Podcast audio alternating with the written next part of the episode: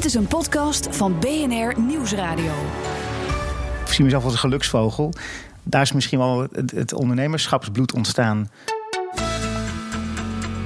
Maar ik dacht, ja, mijn moeder die heeft wel geloof in mij, dus die ziet het wel zitten. Ze zei wel dat ze slapeloze nachten van had eventjes. Ja, maar ze dacht ook, het komt wel goed. Hallo, fijn dat je luistert. Dit is BNR in Bedrijf at Home. Mijn naam is Maarten Brouwhuis. BNR in Bedrijf at Home is een podcastserie die hoort bij het wekelijkse radioprogramma BNR in Bedrijf. Daar staat het bedrijf centraal en in deze serie staat de ondernemer zelf centraal. En dat doen we dus thuis, BNR in Bedrijf at Home. En vandaag ben ik de gast bij ondernemer Robert van Buzik. En Robert is de eigenaar van Olieslager, de Olieslager Groep beter gezegd. Van oorsprong groothandel in verf, maar het bedrijf verschuift steeds verder naar vastgoed, onderhoud en zelfs advies. We focussen ons in de komende serie op ondernemers die een radicale keuze hebben gemaakt om iets nieuws te gaan doen en daarmee ook een stukje van zichzelf opnieuw uitvinden. En in jouw geval, uh, Robert, is dat wel een fascinerende omslag. Want je was eigenlijk werkzaam bij een leverancier van olieslager. Je had eigenlijk gewoon een hele goede relatie met olieslager, wat een klant van jou was. En nu ben je directeur van het bedrijf wat vroeger een klant van jou was. Ja, dat klopt. Hoe, hoe gaat dat? Um, nou, dat ging eigenlijk heel erg uh, vanzelf. Uh, overigens, welkom natuurlijk in Meppel. Fantastisch dat je hier bent in huis. Ik vind het echt heel bijzonder uh, dat we hier even kunnen praten over dit onderwerp. Um, maar goed, het ging vanzelf dat ik bij Olieslager kwam. Want ik, ik was area sales manager bij Sigma Coatings. mijn vrouw komt uit Friesland, Esther. En we wilden heel graag naar het, naar het noorden toe verhuizen. we hadden allebei in Groningen gestudeerd. Ik ben zelf Amsterdammer, maar in Groningen dus gestudeerd en wilde naar het noorden toe na een aantal jaar.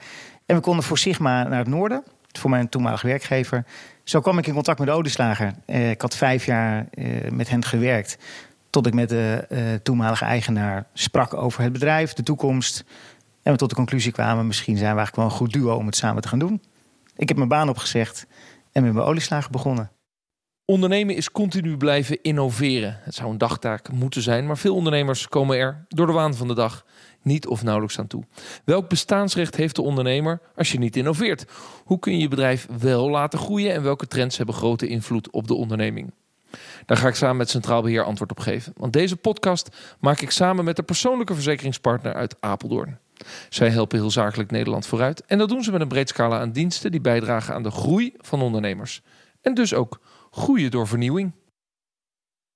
En dus naar het noorden vertrokken. En je zei het al, we zitten hier in uh, Meppel in Zuid-Drenthe. Um, en ik ken Meppel een beetje, want het heeft een mooi oud centrum. Klopt. Daar ben ik wel eens geweest. En uh, we komen hier aanrijden en de weg verandert van een asfaltweg in een, uh, in een mooie klinkerweg. wat al een beetje aanschuurt tegen dat centrum van, van Meppel. En dit is een, een straat met huizen van begin 20e eeuw. Mm -hmm. Jouw huis, ik omschrijf het als een soort van vierkant herenhuis, zou je kunnen zeggen. Landhuis. Hoewel het natuurlijk in een dorp of in een stad staat. Heel hoge plafonds. Vier meter hoge plafonds met van die prachtige ornamenten. Eh, en het is, het is gloednieuw. Je, je hebt het eh, de afgelopen twee jaar vermaakt tot een nieuwbouwhuis. Um, zoals je me binnenliet. Um, met ook heel veel trots dat je, dat je dit hebt kunnen doen. Dat je dit prachtige pandje uit 1915 is het geloof ik? 1915, ja klopt. Uh, helemaal hebt kunnen strippen en nieuw hebt kunnen maken. Ja, met behoud van wat we konden behouden en wat er nog was.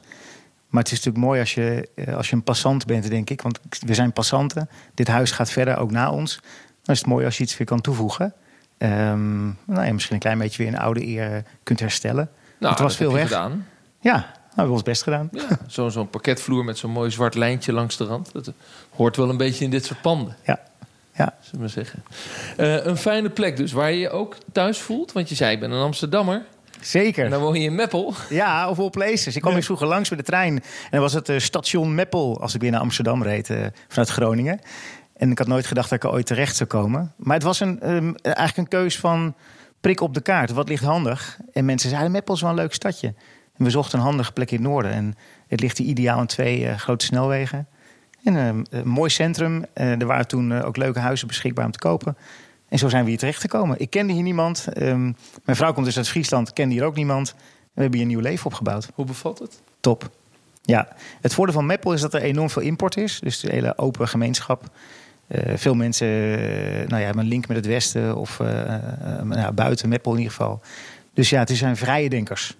En, en nog relatief, eh, het ligt best centraal eigenlijk. Ja, Eh, Naar Groningen, naar Friesland. Eh, mijn westerse familie die denkt daar wel eens anders over, moet ik ja, eerlijk zeggen. maar goed, kom. Hup. Maar, de afstand van Meppel naar Amsterdam blijft hetzelfde als Amsterdam naar Meppel. Maar toch, voor hen klinkt het verder, denk Gevoelsmatig ik. Ja, gevoelsmatig. Nou, je hebt die stap gezet omdat we zeiden het al. Je, je werkte bij, eh, bij Sigma.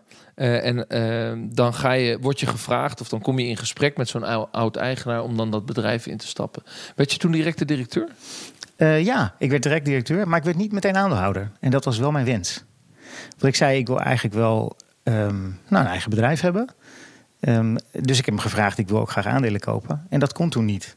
Want dat wilde de Raad van Commissarissen niet. Die zei, ga eerst maar eens gewoon beginnen. Kijk maar eens hoe het met z'n tweeën gaat. En als, er dan, als dat goed klikt, nou, dan kun je altijd nog wat kopen. Zie maar. Je wilde aandeelhouder worden, want er, er is altijd eh, van jongs af aan een idee geweest dat eh, ondernemer, eh, dat is uiteindelijk wat je wil worden, eh, met eigen rekening en risico. Dus er was ook een lange wens om uit die loondienstverband te gaan. Ja, waarbij ik het overigens altijd ongelooflijk naar mijn zin heb gehad bij, eh, bij Sigma toen. Heel veel geleerd en fantastisch om in een groot bedrijf te werken. Maar op een gegeven moment dan begint het te kriebelen. En dan ben ik wel een denker, die, iemand die, die zegt... ik wil gewoon uiteindelijk de eigen verantwoordelijkheid dragen.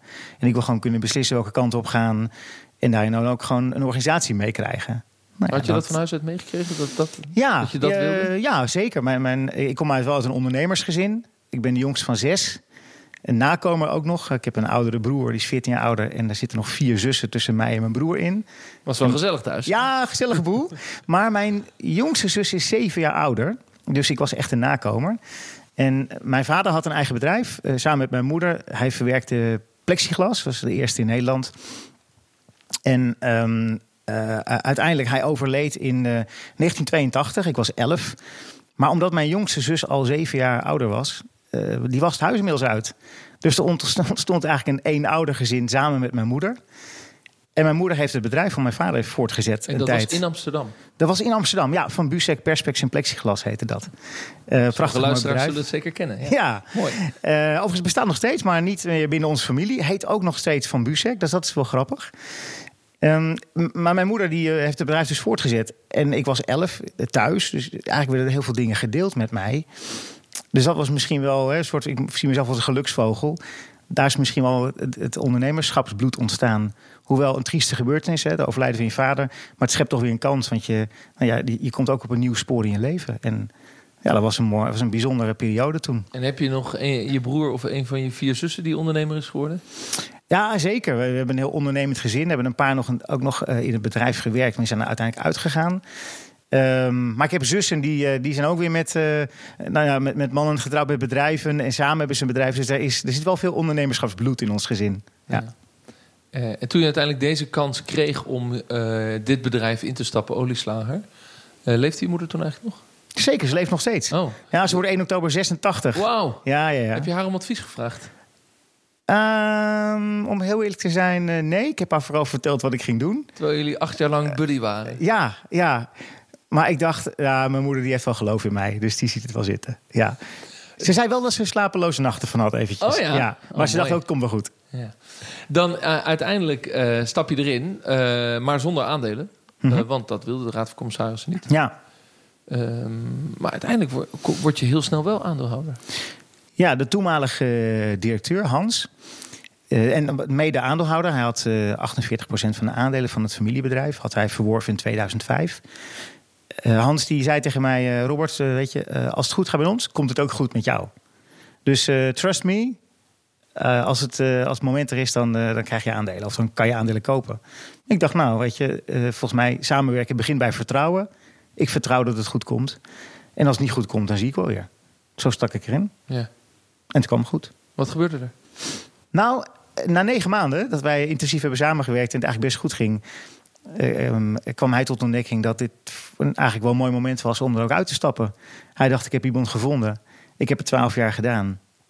Ehm, dit is misschien wel mijn moment om een... eh, Dus je kwam binnen als een soort van compagnon van Hans. ja, En na negen maanden zei hij, nou, het is geboren, je kunt alleen verder. ja, dat is het, ja. Maar dat had hij van tevoren niet gezegd. Nou, hij hij had had niet wel gezegd, tegen- dit wordt een soort transitiefase samen. Ehm, nou, hij had wel tegen mij gezegd: joh, ik, ik denk ook nou, voor de toekomst hoe ik verder wil. Er is best wel een kans om eh aandeelhouder te worden. Ehm, ehm, ja, misschien stop ik ooit wel helemaal. Maar ja, wanneer en hoe en wat, daar had ik helemaal geen flauw idee van. En hij denk ik ook nog niet. Hij is ook wel iemand die, eh, die denkt over de dag. Ja, en op het moment dat het goed gaat en, hij, en er een kans is, en dat is ook wel mijn ervaring, ja, dat je dan, dan pak je hem of je biedt hem aan aan iemand. En hij dacht, ik bied het nu aan, want het gaat goed. En je zei direct ja?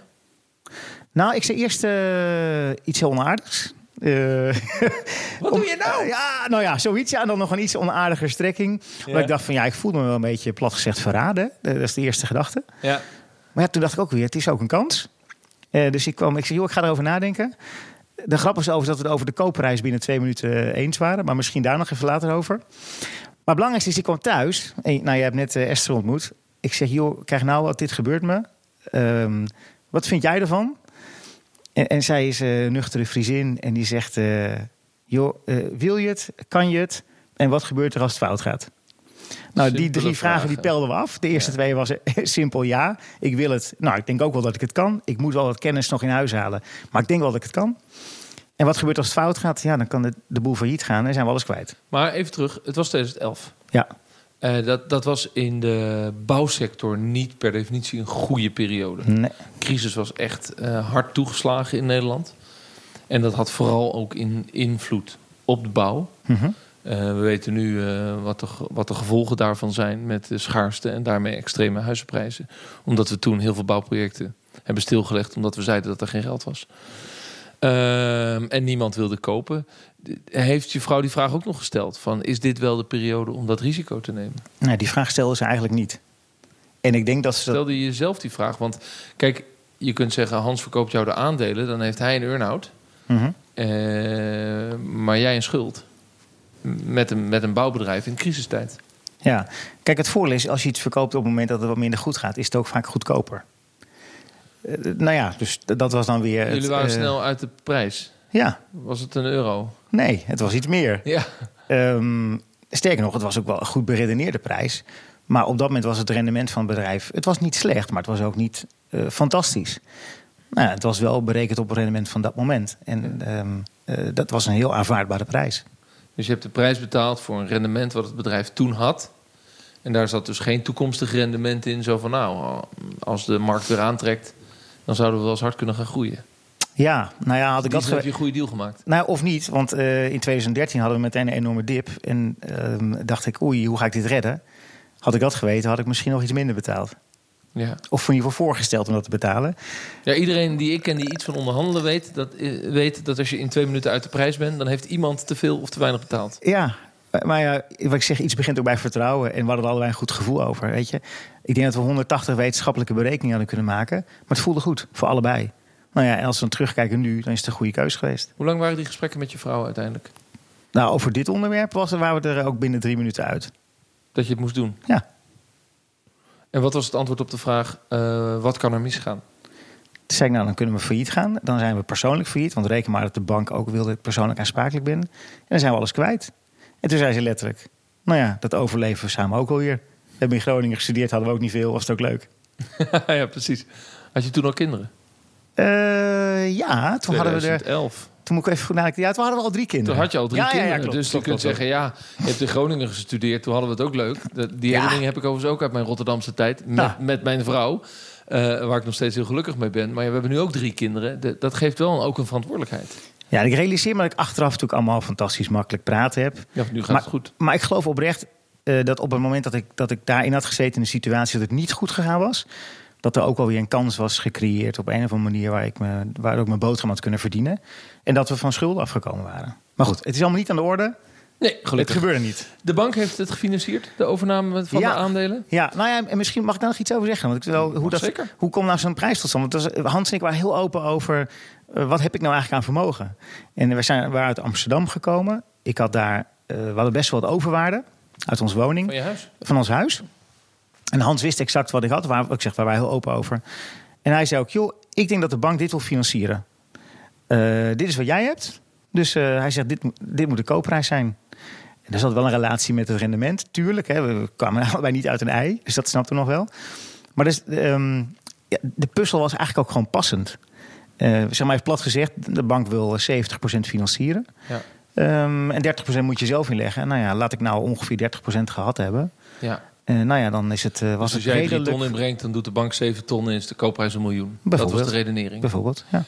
Dus als jij niet zo open was geweest over je overwaarde van je huis in Amstelveen, had je minder betaald. Ja, of meer, je weet het niet. Had hij misschien wel veel meer gevraagd. Ja. Ik geloof nogmaals die, die, daarin openheid en vertrouwen. En de sfeer was dat we er zo open over waren. Respect naar Ik hem. denk dat, dat de ondernemers naar dit gesprek luisteren en zeggen: Nou, ik geloof dat dat nog niet de manier zou zijn waarin ik mijn bedrijf- mijn bedrijf zou verkopen. Ja, de grap is dat ik tot nu toe denk ik... We hebben acht bedrijven overgenomen in de afgelopen eh, vijf jaar. Als olieslager. Als olieslager, sinds dat sorry. jij dan Ja, ja, olieslager leidt, is een nieuwe strategie om ook bedrijven over te nemen. Ja. Dan kom je in datzelfde gesprek, maar dan aan de andere kant van de tafel. Ja, en dan gaat het bijna in dezelfde openheid. En natuurlijk, de situatie is anders. Maar het gaat bijna op dezelfde openheid. Eh, ja, iemand kan, kan een miljoen vragen, maar als het niet waard is... en ik weet dat ik misschien 1 euro kan vragen... en op het moment dat het veel meer waard is... het gaat in beide gevallen niet lukken. Dus volgens mij moet je, kan je maar beter zo snel mogelijk... gewoon je kaart op tafel leggen...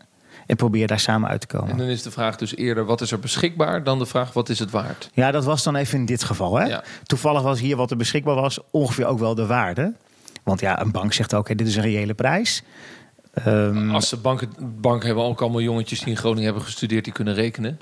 Als Tuurlijk. ze dat geen reële prijs hadden gevonden, hadden ze dat ook niet geleend. Ja, en neem voor mij als Hans dacht, dit is een koopje. Hè, je krijgt het voor niks, had hij het ook niet gedaan. Dus Nee. hij kwam zelf uit het bankwezen, dus hij wist precies waar hij het over had. Hij dacht gewoon heel pragmatisch in dit geval. Ja. Nu is eh, Olieslager, was beter gezegd, een familiebedrijf. ja, En toen jij 48% van de aandelen kocht, eh, was 52% van de aandelen nog in handen van de familie. ja, Van de dochter van de oprichter, geloof ik. Klopt. Hoe heet zij? Sandra. Sandra Olieslager. Ja. Ehm, hoe lang is zij nog als aandeelhouder naast jou actief geweest vanaf 2011? Tot 31 december 2015. Dus nog volle vijf jaar. Ja, vanaf 2012 dan, hè, dus dat is eh, vier jaar gerekend. Ja. Was dat belangrijk voor jou? Dat, dat het, omdat het olieslager heet, het is al 65 jaar oud nu, toen dus 60 jaar, ehm, dat die familie betrokken blijft, omdat jij als buitenstaander eigenlijk dat bedrijf inkomt? Eh, was voor mij niet eh, eh, in, in bijzondere mate belangrijk. Ook omdat er niemand van de, van de familie betrokken was in het bedrijf. Zij werkte niet in de onderneming. Maar uiteraard had ze wel een nauwe band, want ze was aandeelhouder.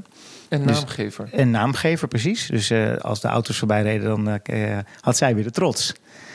En in, die zin belangrijk, maar zakelijk gezien hadden we eigenlijk weinig connectie. Wanneer ben jij gaan inzien ehm, dat het misschien een kans zou zijn om ook haar aandelen te kopen? Eh 1 maart 2015. Toen heb je dat direct in gang gezet. Toen dacht ik, nou, ik heb nu 48 procent. Overigens, eh, zij had 4, 4% van haar aandelen zaten in een stichting. Waarbij het stemrecht eh, bij de certificaathouders lag. Klassieke stak. Ja, precies, een stak.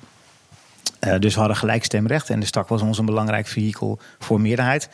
Ehm, en ik heb eh, begin maart 2015 bij eh, eh, wat toen nog een een, stakbestuur...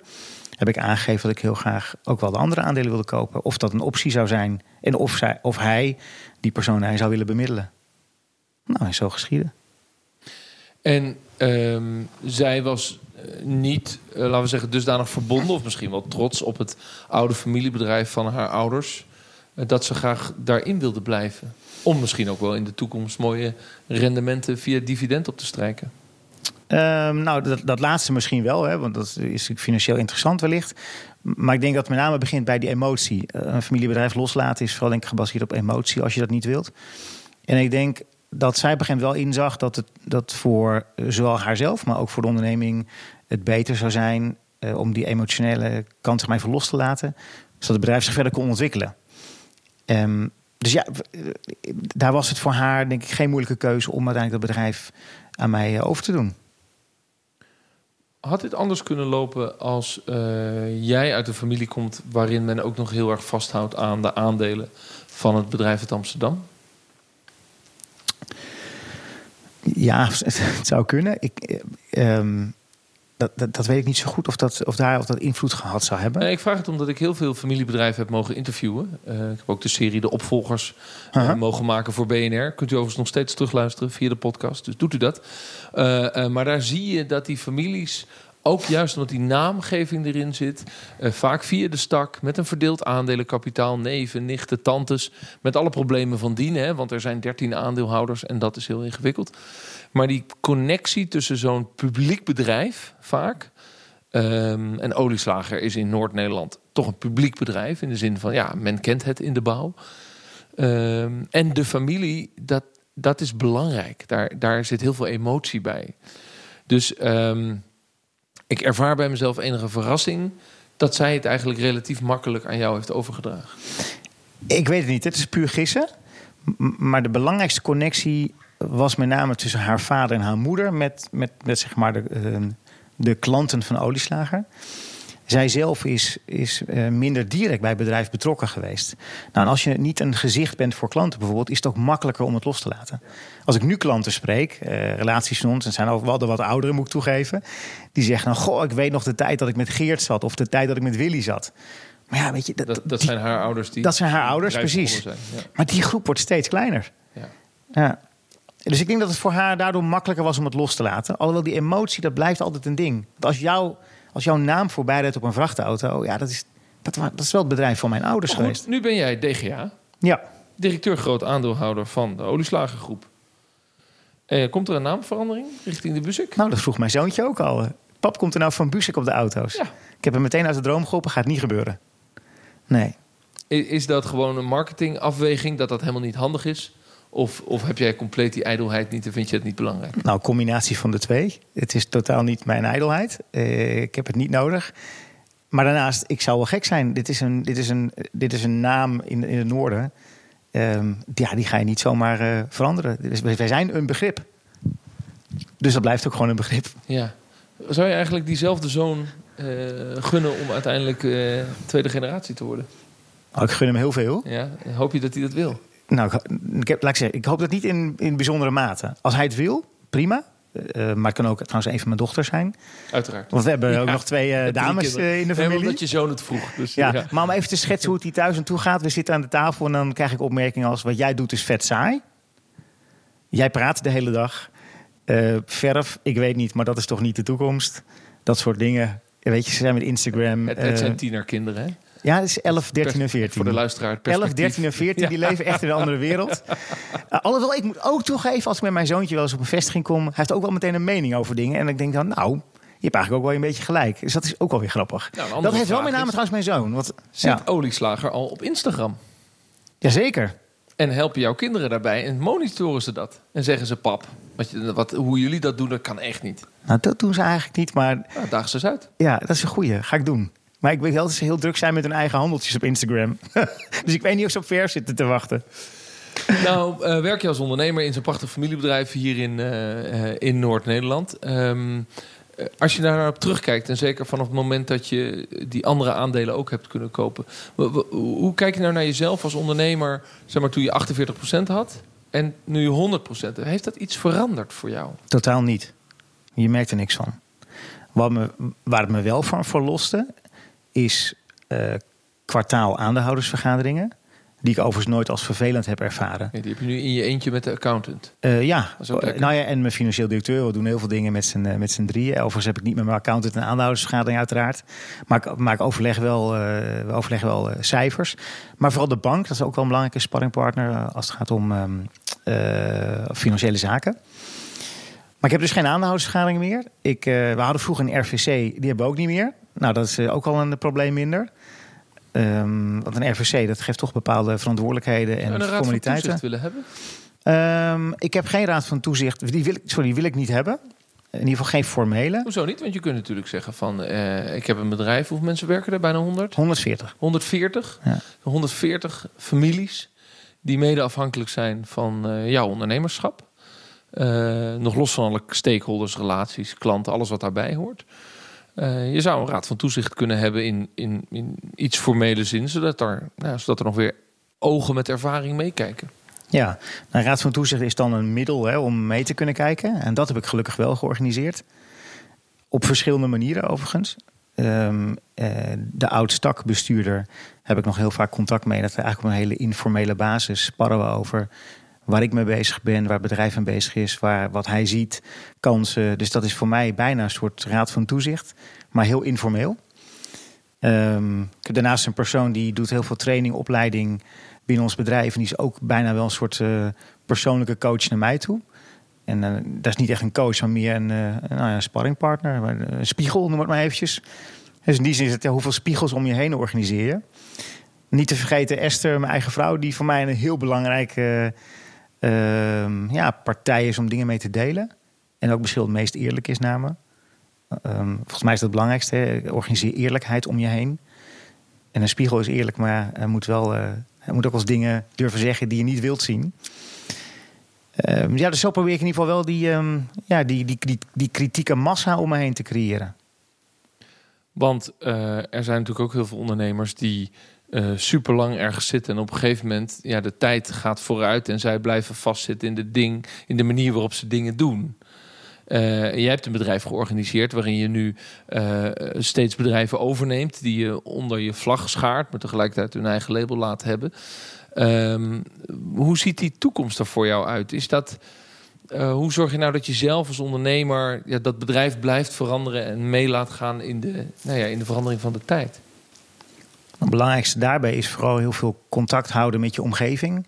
Om te horen en te zien wat er aan ontwikkelingen gebeurt. Dus dat is bij klanten zijn, dat is bij opdrachtgevers van onze klanten zijn. Want dat is uiteindelijk degene die, die daadwerkelijk voor, voor de vraag zorgt.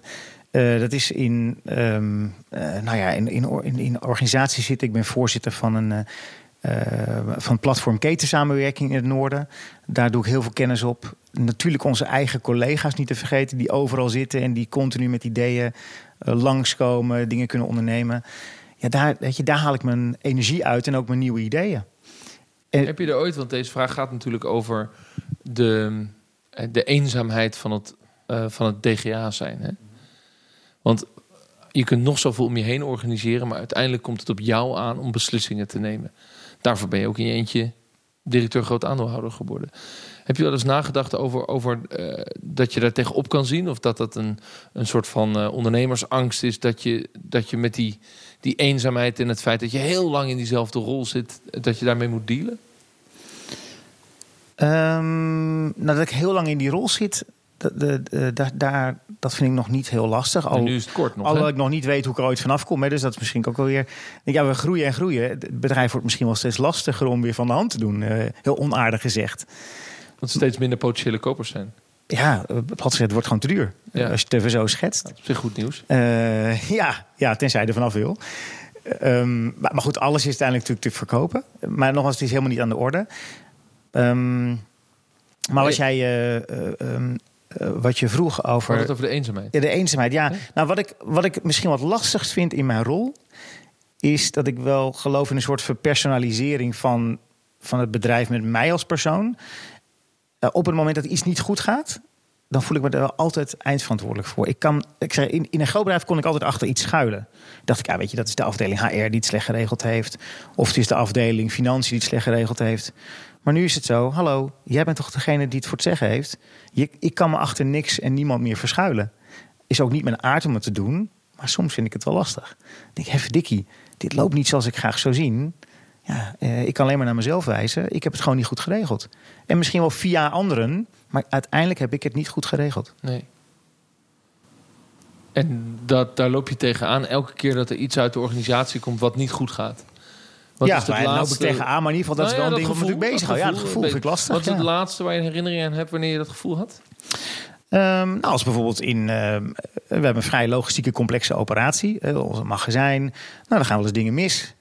Ja, logisch, dat gebeurt overal. Uh, als het vijf keer achter elkaar misgaat, dan denk ik als hefdikkie, weet je, wat heb ik nou niet goed gedaan? Heb ik de verkeerde mensen erop zitten? Of uh, ben ik zelf niet helder geweest? Of vragen we wel te veel van mensen? Beloven we te veel aan klanten? Ja, dat zijn allemaal dingen die me dan wel bezighouden. Dat suggereert ook een beetje dat je soms toch nog best dicht op de operatie zit. Ik zit heel dicht op de operatie. Ik geloof ook niet in ondernemers die dat niet zijn. Kan dat wel met 140 mensen? Ja, kijk, het ligt natuurlijk aan waar je het hebt over hoe dicht zit je op. Maar ik, ik weet wel van heel veel dingen die er spelen. Ja, en, en natuurlijk maak je keuzes. Hè. Er zijn fases waarin je meer weet van A of meer van B. Net even afhankelijk van de situatie of de periode. Maar ik, ik, laat ik zeggen, de hele dag thuis zitten of achter mijn bureau is voor mij onbestaanbaar.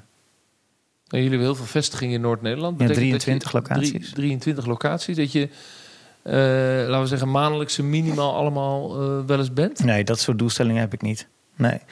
Plus, ik hoef ook niet fysiek te zijn. Vaak is in de auto een telefoontje naar een vestigingsleider zo voldoende om het contact even te hebben.